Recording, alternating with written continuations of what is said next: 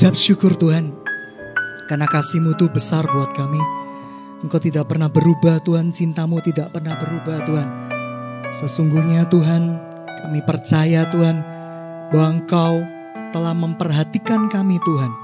Engkau telah memperhitungkan masa depan kami Tuhan. Dan kami percaya Tuhan Engkau tidak akan pernah membiarkan kami berjalan sendiri. Sebab Engkaulah Tuhan dan Allah kami. Ya Bapak sebentar lagi Tuhan kami mau mendengarkan kebenaran firman-Mu. Biarkan kebenaran firman-Mu itu muncul dari hatimu. Bukan karena kemampuan seseorang berbicara. Bukan karena kepandaian seseorang berbicara. Tetapi karena hatimu yang ingin berbicara buat tempat ini. Dan Bapa berbicaralah. Kuasailah tempat ini dengan kuasa roh kudus-Mu Tuhan. Jauhkan segala sesuatu yang tidak berkenan dari tempat ini Tuhan. Dan kami mau menyerahkan semuanya hanya di dalam satu nama yaitu nama Tuhan Yesus Kristus yang hidup. Kamu berdoa dan mengucap syukur. Mari kita yang percaya sama-sama katakan amin. Shalom. Selamat datang di ibadah kedua CMC. Mari kita baca kebenaran firman Tuhan di dalam Yohanes 9. Mari kita buka firman Tuhan di dalam Yohanes 9. Perikopnya orang yang buta sejak lahirnya. Saya bacakan. Yohanes 9 ayat yang pertama. Waktu Yesus sedang lewat, ia melihat seorang yang buta sejak lahirnya. Murid-muridnya berkata kepadanya, Rabi, siapakah yang berbuat dosa? Orang ini sendiri atau orang tuanya sehingga ia dilahirkan buta. Jawab Yesus, bukan dia, bukan juga orang tuanya, tetapi karena pekerjaan-pekerjaan Allah harus dinyatakan di dalam dia. Kita harus mengerjakan pekerjaan dia yang mengutus aku selama masih siang akan datang malam di mana tidak ada seorang pun yang dapat bekerja. Selama aku di dalam dunia, akulah terang dunia. Setelah ia mengatakan semuanya itu, ia meludah ke tanah dan mengaduk ludahnya itu dengan tanah lalu mengoleskannya pada mata orang buta tadi dan berkata kepadanya, "Pergilah, basuhlah dirimu dalam kolam Siloam." Siloam artinya yang diutus. Maka pergilah orang itu, ia membasuh dirinya, lalu kembali dengan matanya yang sudah melek. Tapi tetangga-tetangganya dan mereka yang dahulunya mengenal sebagai pengemis berkata, bukankah dia yang selalu mengemis? Ada yang berkata, benar dia ini. Ada pula yang berkata, bukan. Tetapi ya mirip dengan dia. Orang itu sendiri berkata, benar akulah itu. Kata mereka kepadanya, bagaimana matamu menjadi melek? Jawabnya, orang yang disebut Yesus itu mengaduk tanah, mengoleskannya pada mataku dan berkata kepadaku, pergilah ke Siloam dan basuhlah dirimu. Lalu aku pergi dan setelah aku membasuh diriku, aku dapat melihat. Lalu mereka berkata kepadanya, di manakah dia? Jawabnya, aku tidak tahu. Kita berhenti pada ayat ini. Sidang jemaat yang dikasih Tuhan. Di dalam kehidupan kita, sering kali kita bertemu dengan orang-orang yang mengatakan sesuatu yang buruk kepada kita. Contoh, ketika kita gagal ujian kita.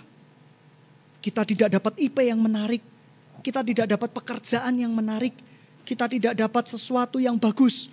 Orang akan berkata sama kita bahwa oh ini dosa turunan ini. Kamu harus dilepaskan ini. ya Makanya kamu sampai sekarang kamu kerja tidak dapat dapat tempat kerja yang baik. Kamu selalu jadi pengangguran. Ini salah ibumu ini. Ini salah bapakmu ini. Ini salah yang lain ini. Ya, jadi oleh karena itu pelayanan pelepasan itu rame di gereja-gereja Tuhan, ya kan? Oh Tuhan, aku lepaskan kutuk-kutuk dari keluarga, kutuk-kutuk dari masa lalu di dalam dirinya. Amin. Tetapi ternyata orang itu tetap mengalami hal yang sama. Memang tidak dipungkiri di dalam kehidupan kita, kutuk turunan itu sangat dominan di dalam kehidupan kita. Ada orang-orang tertentu yang orang tuanya pernah melakukan perjanjian dengan iblis, yaitu soal harta, dan itu selalu ditumbalkan kepada generasi berikutnya. Oleh karena itu, ada penyakit-penyakit yang kelihatannya tidak bisa disembuhkan oleh medis. Ini memang betul, keluarga bisa membawa roh turunan pada generasi berikutnya. Kita sering kali mengalami hal-hal seperti itu dan itu menjadi sebuah cerita sehari-hari. Oleh karena itu banyak orang yang berkata, oh, kalau kamu keterikatan oleh turunan, ayo kamu pergi ke gereja dilepaskan.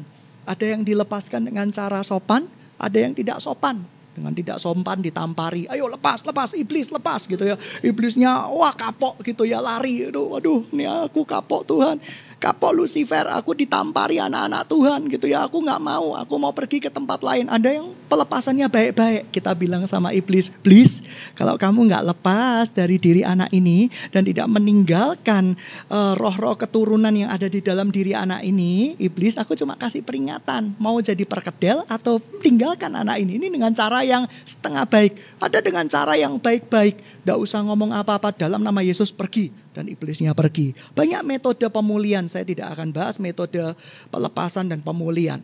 Tapi di dalam hidup ini selalu ada orang yang berkata seperti ini. Satu, ini salah keluarga kamu ini. Ini dosanya keluarga kamu ini. Yang kedua, ada orang yang berkata seperti ini. Kamu gagal ini karena dosamu sendiri ini. Waktu SMP ini kamu sering ngutang sama temen, ndak bayar. Ya kan? Kamu waktu perguruan tinggi sering fotokopi dan lupa membayar ke temanmu sehingga kamu itu berhutang sama temanmu. Oleh karena itu ketika kamu kerja, kamu nggak dapat pekerjaan yang baik, kamu kamu menabur apa yang kamu tuai. Nah, sering kali manusia berusaha untuk mencari jawaban atas kasus-kasus yang dia alami. Amin. Amin. Kalau nggak ada yang ngaminin, ya saya aminin sendiri, gitu ya, seperti itu. Jadi manusia berusaha cari pembenaran terhadap kasus-kasus yang dialami. Dan berapa banyak orang selalu berusaha untuk mencari alasan. Mengapa orang tua aku seperti ini dan mengapa aku seperti ini. Mengapa aku, uh, ya uh, sorry lah aku kok selalu putus cinta terus. Mengapa aku selalu apa ya uh, gagal memperoleh pekerjaan terus. Mengapa aku selalu seperti ini. Nasibku murung. Nasibku buruk. Apa salahku? Apa salah ibuku? Kok hidupku kok dirundung pilu? utara ke selatan. Loh itu lagu ya gitu ya. Tapi yang jelas firman Tuhan mengatakan ada satu hal yang kita lupakan. Ada rencana Tuhan yang hendak dinyatakan di dalam diri kita supaya ketika rencana itu dinyatakan orang memuliakan Bapa di sorga. Ikut Tuhan itu tidak soromen, tapi menyenangkan. Pertamanya kelihatannya seng, sengsara. Saya tidak mau image gereja kita itu gereja sengsara dunia gitu ya. Karena gereja kita sering kali bicara misi, pengorbanan, salib Kristus. Hari ini saya akan bicara tentang berkat. Ada satu rencana yang saya mau bagikan hari ini. Yaitu ada rencana Tuhan yang hendak dinyatakan di dalam diri kita masing-masing.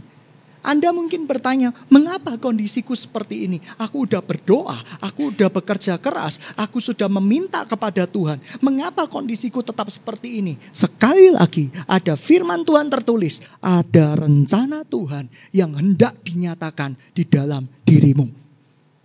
Ada tiga hal yang menyebabkan kita seperti ini. Satu, orang buta. Dia dia buta karena apa? Orang tanya, ini dosa orang tuanya enggak? Ya, yang kedua, dosanya dia sendiri enggak? Kalau dosanya dia sendiri enggak mungkin, sejak lahir dia buta. Tapi Tuhan berkata, sering kali kita melewatkan pernyataan yang ketiga. Ada rencana Tuhan yang hendak dinyatakan di dalam diri kita. Supaya sesudah kita melakukan kehendak Tuhan, terjadi sesuatu yang luar biasa, terjadi sesuatu yang sempurna. Lalu bagaimana supaya rencana Tuhan dinyatakan di dalam diri kita.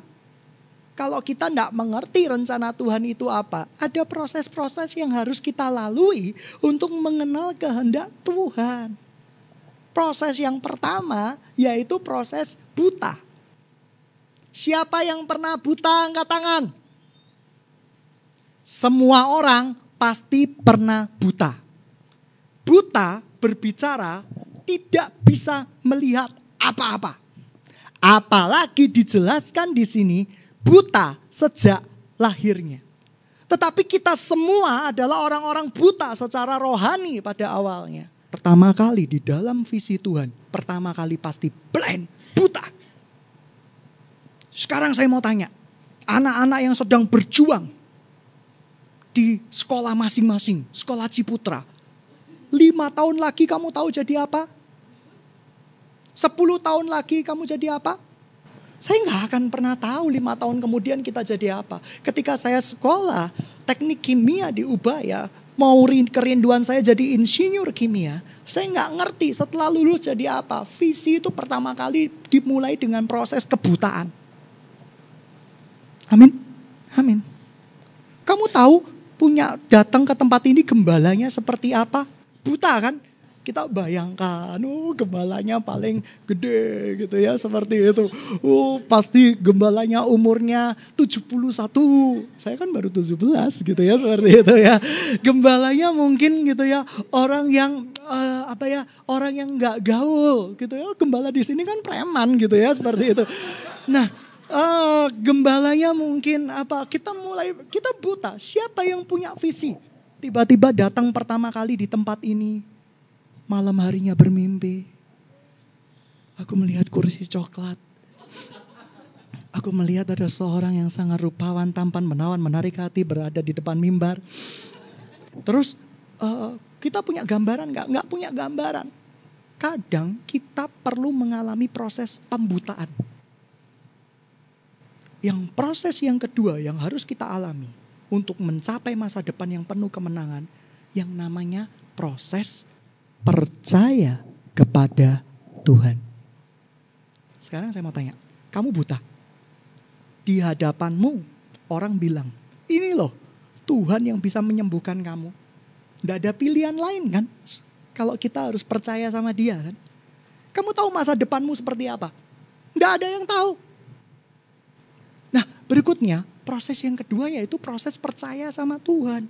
Proses sama percaya sama Tuhan ini sulitnya setengah mati. Tapi kita tidak ada pilihan lain kecuali percaya kepada Tuhan. Coba bayangkan kamu itu buta. Ayo bayangkan, bayangkan. Ya, bayangkan. Tidak bisa bayangkan, coba pejamkan matamu. Ya, pejamkan matamu. Tarik nafasmu pada hitungan ketiga. Ini bukan hipnotis gitu ya. Tapi coba kamu bayangkan, kamu buta. Dan berikutnya, kamu itu rindu dibebaskan dari kebutaan kamu. Caranya gimana? Percaya, harus percaya bahwa ada dokter yang ajaib, tabib yang ajaib yang bisa memulihkan kamu. Proses kedua ini sering kali kita gagal mempercayai Tuhan kita sendiri. Karena biasanya orang buta berpikir seperti orang buta. Gimana caranya ya aku bisa percaya ya? Gimana caranya ya aku itu sudah buta sejak lahir. Kornea aku itu ndak ada. Donor kornea ndak ada. Syaraf-syaraf mataku sudah rusak. Ndak mungkin aku bisa sembuh. Tapi orang buta ini tidak ada pilihan lain untuk mempercayai Yesus. Sang tabib yang ajaib. Dan puji Tuhan, orang buta ini memilih untuk mempercayai Yesus. Proses yang kedua yaitu mempercayai Yesus tanpa syarat. Kita adalah orang-orang yang buta dahulunya. Kita percaya sama Yesus. Dibawa ke mana saja aku rela Tuhan. Dibawa ke mana saja aku mau Tuhan. Dan proses yang ketiga yaitu melakukan apa yang difirmankan kepada Yesus eh, dari Yesus kepada kita sebagai bentuk kepercayaan kita. Kalau Tuhan berkata sama orang buta itu, masukkan kepalamu ke got, ikut. Tidak ada pilihan lain. Amin. Dia buta, dia perlu melihat, tidak ada pilihan lain. Yang kedua, dia memilih mempercayai kata-kata Yesus. Yesus memberikan ramu-ramuan obat tradisional. Oh, kamu buta ya? Ini harus mengandung beta karoten. Ini harus mengandung vitamin-vitamin A. Tuhan tidak berkata sama Yudas sama Petrus, Petrus ambil wortel, jusin buat orang buta ini, minum karena ini mengandung vitamin A. Kadang yang dilakukan Yesus di luar pemikiran manusia. Dia meludah Dan kamu tahu, di dalam ludah mengandung ribuan bakteri. Termasuk Tuhan Yesus. Lu Tuhan Yesus kan Tuhan. Eh, Anda bercanda. Anda dengarkan kebenaran firman ini. Tuhan itu manusia murni. Tuhan Yesus manusia biasa. Saya berkata, rohnya roh Allah. Tetapi dia punya tubuh jasmani. Dia bisa menangis, dia bisa melakukan tindakan-tindakan. Tetapi dia tidak berbuat dosa. Kita berbicara hal yang alamiah. Kelenjar ludah itu menghasilkan banyak bakteri. Ya Banyak bakteri. Saya tidak terlepas ada orang yang anak rohani saya yang kurang ajar juga tanya. Waktu Tuhan Yesus meludah, Tuhan Yesus sikat gigi. Enggak, saya enggak peduli. Whatever saya menjelaskan dari sisi firman. Ya kan? Mana ada sikat gigi gitu ya. Mungkin pakai batang siwak atau apa. Saya nggak peduli lah. Tetapi Tuhan Yesus meludah. Dan saya percaya dia habis makan sama murid-muridnya. Tambah kan? Masih makanan-makanan. Dan para muridnya yang memandang sekitar situ sudah kusak-kusuk. Ini metode penyembuhan ala apa ini? Kayak dukun-dukun dia meludah, dia bikin adonan. Ini bagian yang menarik. Pernah tercatat di dalam kitab Tuhan Yesus pakai sarung tangan ketika membuat adonan itu dan disterilkan di UV. Enggak. Tuhan Yesus menggunakan peralatan dari kotak steril yang seperti orang-orang farmasi. No, enggak pakai. Dia aduk membuat adonan yang tambah lama tambah mengental dan membesar. Tapi Tuhan melakukannya dengan serius. Dia tidak dengan cengengesan. Enggak, enggak. Dia tidak melakukannya seperti itu. Dia melakukannya dengan serius. Tapi orang-orang udah pergi kasak kusuk. Tuhan Yesus mau melecehkan orang buta ini. Ini rapi dari mana ini? Ini kurang ajar ini namanya. Ini pelecehan ini namanya. Tapi orang buta itu tidak punya pilihan lain Sekali lagi, orang buta itu tidak punya pilihan lain selain percaya kepada Yesus dan melakukan apa yang dia harus lakukan. Dan akhirnya orang buta itu menyodorkan matanya, silahkan guru oleskan. Dan adonan yang sangat menarik itu uh, dioleskan menjadi sebuah salep. Ya kan, di dari ujung ke ujung dioleskan seperti itu. Lalu Tuhan Yesus berkata sama dia, sekarang basuhlah dirimu ke kolam yang bernama Siloam. Ini ada artinya ini. Saudara, setelah kita melakukan kehendak Tuhan, tiba-tiba sembuh, tiba-tiba pulih. Shalom. Tiba-tiba pulih, tiba-tiba sembuh. No. Belum. Ada namanya proses mempertahankan iman.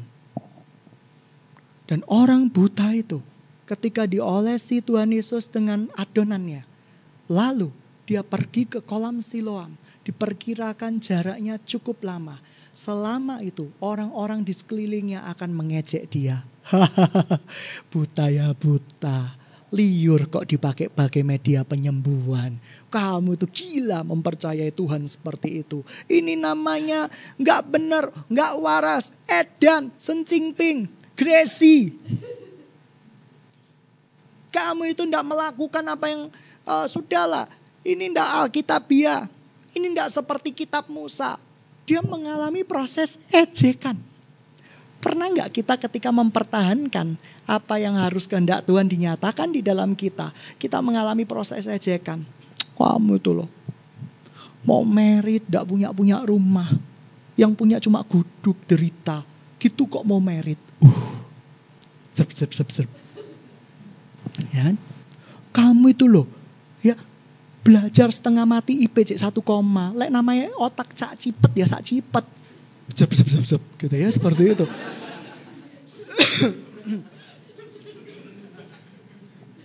ya kan? Kamu itu loh, sudah ndak usah ngerawat dirimu. Lek ancene elek, yo elek. Sep, sep, sep, sep, lagi. Kacau kan? Kacau. Sakit nggak? Sakit gitu ya. Siapa yang mau sih dibilang, eh kamu elek? Enggak lah. Eh kamu cantik gitu ya. Semua orang pasti bilang cantik dan menarik menurut versi masing-masing. Iya dong. Iya kan ada yang bentuk uh, face-nya bundar, suka uh, yang bundar, eh gak ada ya bulat-bulat kok bundar itu kan berarti seperti itu. Ada yang face-nya persegi, suka dengan yang bulat, oh, itu selera. Kita tidak bisa menghakimi selera masing-masing. Amin, amin. Monyet aja seneng sama monyet kan, tidak seneng sama manusia kan, walaupun manusia cantik-cantik. Amin. Kenapa monyet suka dengan yang berbulu, yang hidungnya pesek, yang mulutnya besar gitu ya? Karena monyet gitu ya. Dia punya selera monyet gitu ya. Manusia dari berbagai macam latar belakang punya selera berbeda beda. Ada yang nganggap orang gundul itu tidak menarik, tapi ada orang yang berkata orang gundul itu menarik gitu ya. Buktinya tetap abadi gitu ya. Lah Sidang jemaat yang dikasih Tuhan, saya mau kasih tahu, mengalami proses yang namanya cemoohan. Enggak, udah enggak kamu ngalami? Buat apa? Ngelayani Tuhan. Uang entek terus. Mending bangun untuk kerajaanmu pribadi kamu itu loh punya keluarga belum diperhati no ngapain merhati no orang lain? Ya kan? Seringkali proses cemoohan itu seperti itu toh. Ngapain kamu melayani Tuhan? Gitu ya. Toh duit aja belum ada. Saya kasih tahu melayani Tuhan itu menyenangkan sekali. Kalau dia itu kepala kita master kita kita nggak akan pernah kekurangan. Amin. Sekalipun saya berkali-kali belajar memberi saya tidak pernah kekurangan Walaupun saya memulai dengan air mata, sekarang saya menuai dengan sorak-sorai. Tuhan kita itu penyedia kebutuhan kita. Amin. Dia itu bos kita. Kalau bosnya Tuhan Yesus, Oprah Winfrey pada satu kesempatan dia membagikan mobil. Bos kita Tuhan Yesus pada satu kesempatan ketika dilihat anaknya sudah melakukan kehendak-kehendaknya kita dikasih apa? Bukan hanya mobil. Dikasih apa? Apartemen pribadi 10 tingkat. Kamarnya kosong semua. Kolam renang hanya untuk kita. Mau? Saya nggak mau. Saya butuh sosialisasi. Tuhan sanggup memberikan yang terbaik buat kamu. Asalkan kamu melewati proses-proses itu. Namanya proses pencemoohan. Eh kamu mana pulih? Nggak pulih-pulih gitu. Iblis mulai menghakimi pikiran kita dan berkata dari dulu sekarang sampai selama-lamanya tiada berubah gitu ya. Kau itu tidak pernah berubah, sudahlah. Tapi orang buta itu tetap pergi ke kolam siloam enggak? Tetap pergi. Kalau dia tidak pergi, adonan itu tidak jadi mujizat. Amin. Amin. Saya percaya kalau dia tidak pergi ke kolam siloan, maka adonan yang itu tidak akan menjadi salep kesembuhan buat dia. Tapi dia tidak pedulikan kiri kanan, dia tidak pedulikan panah-panah api dari iblis di pikirannya, dia tetap pergi ke kolam itu. Dan kolam siloam artinya yang diutus. Karena Tuhan mau ketika dia disembuhkan, Tuhan akan mengutus dia, memakai dia untuk menjadi kesaksian buat alat kerajaannya. Dan yang proses berikutnya, proses yang namanya penundukan diri.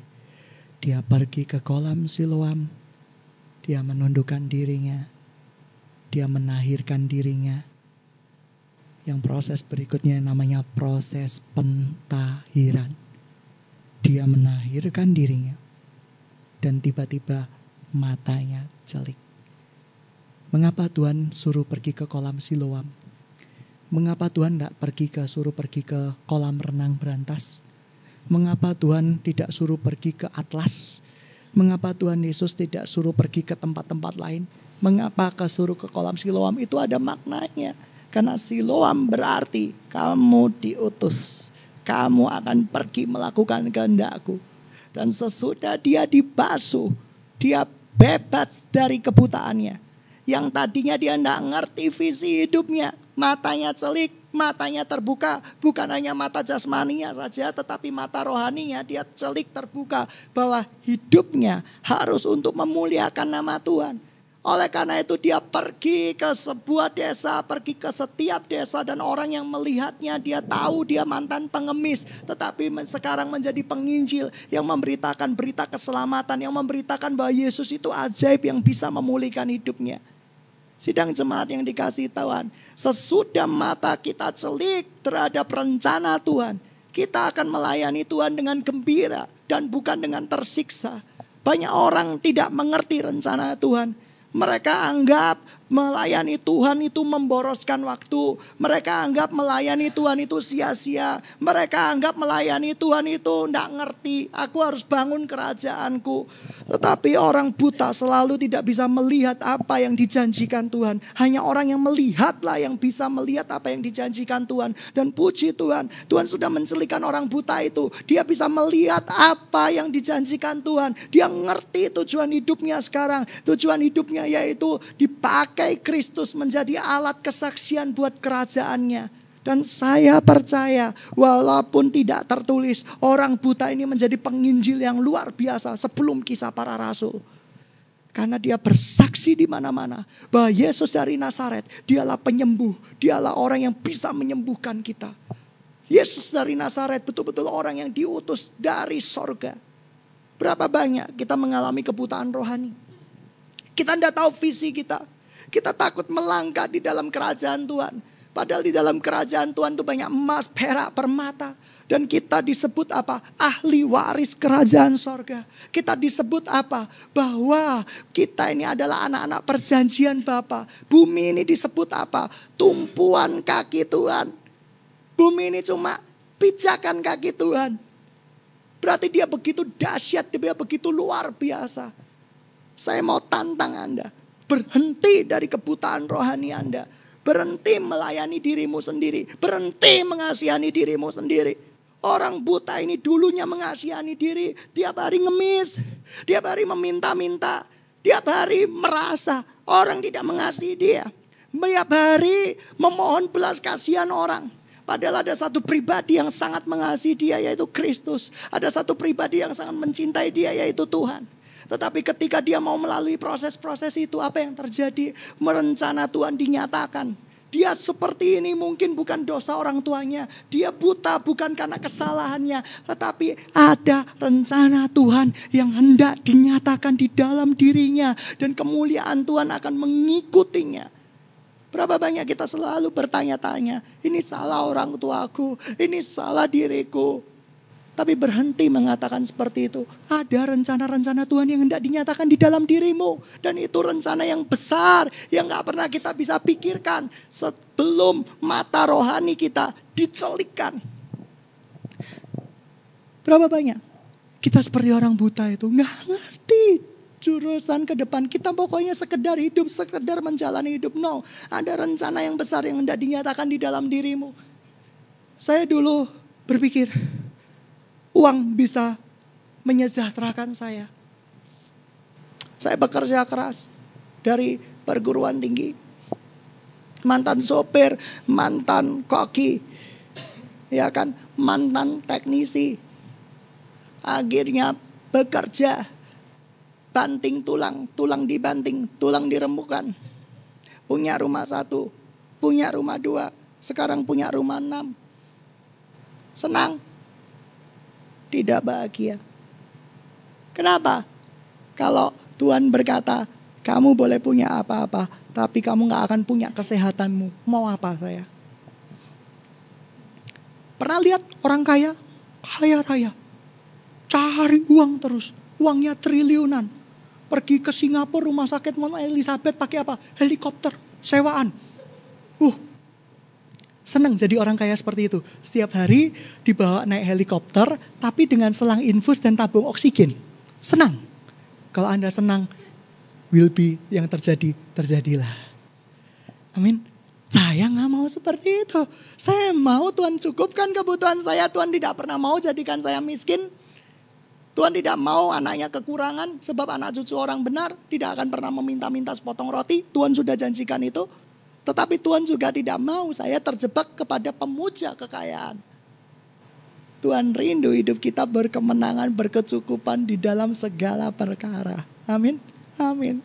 Tapi jangan dibahasakan ya. Cukup ada rumah lima, puji Tuhan lah. Cukup ada mobil lima, cukup lah. Bukan, Tuhan kapasitas cukup itu berapa? Tergantung porsi masing-masing.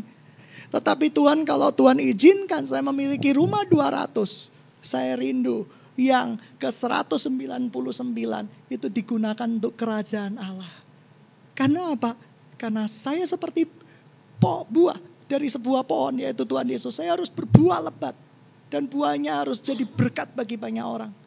Sidang semaan yang dikasih Tuhan. Banyak orang yang tidak pernah celik mata rohaninya. Menganggap hidup di dunia ini sengsara.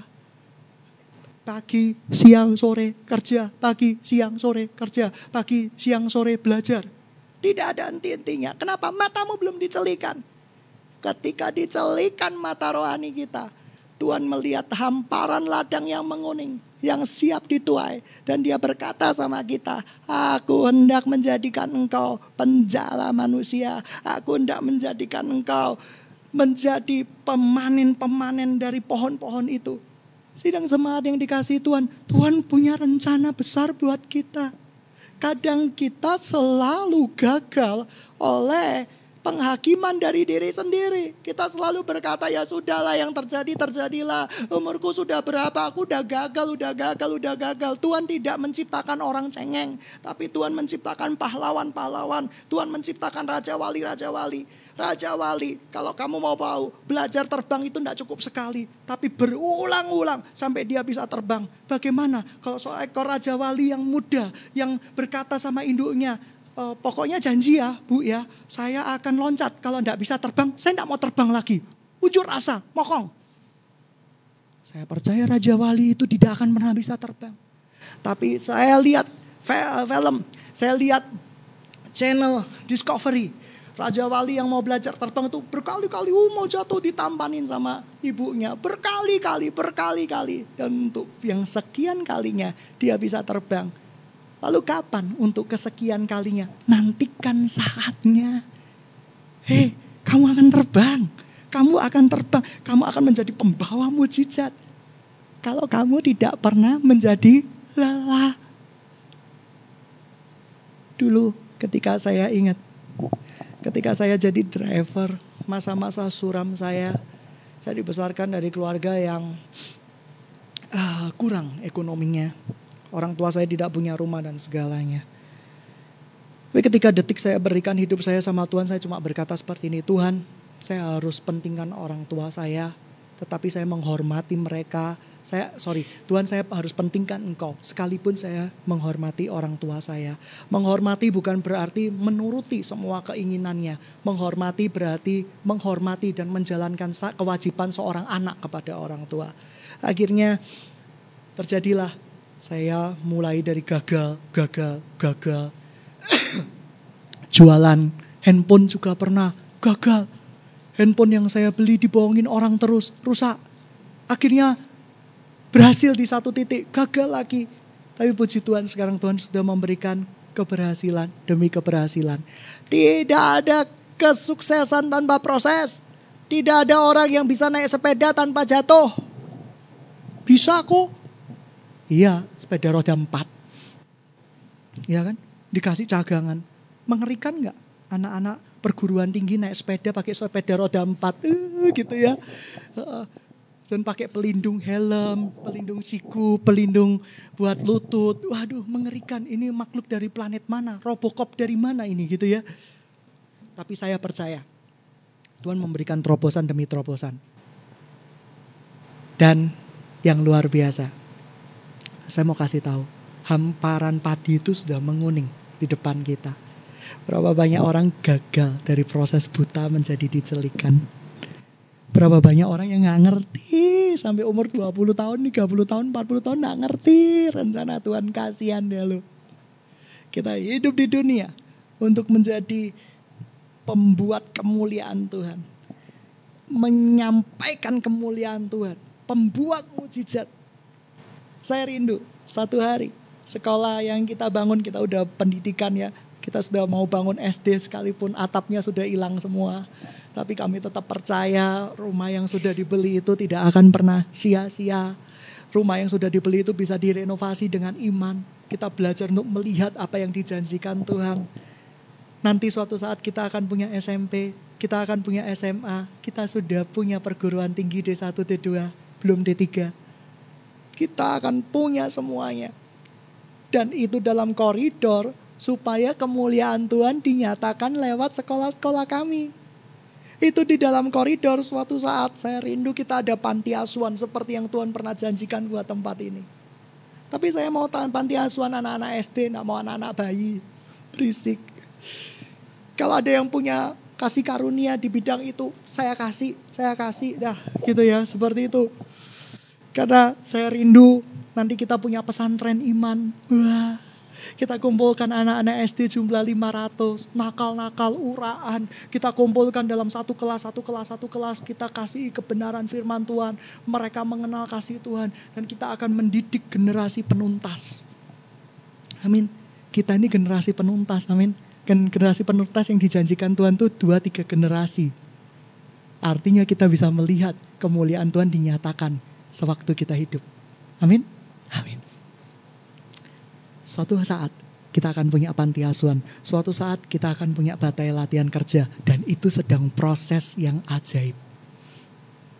Satu hari orang orang-orang berkata, waktu saya beli rumah itu orang-orang berkata seperti itu. Loh, rumah itu laku toh di tangan kamu. Iya, laku di tangan saya.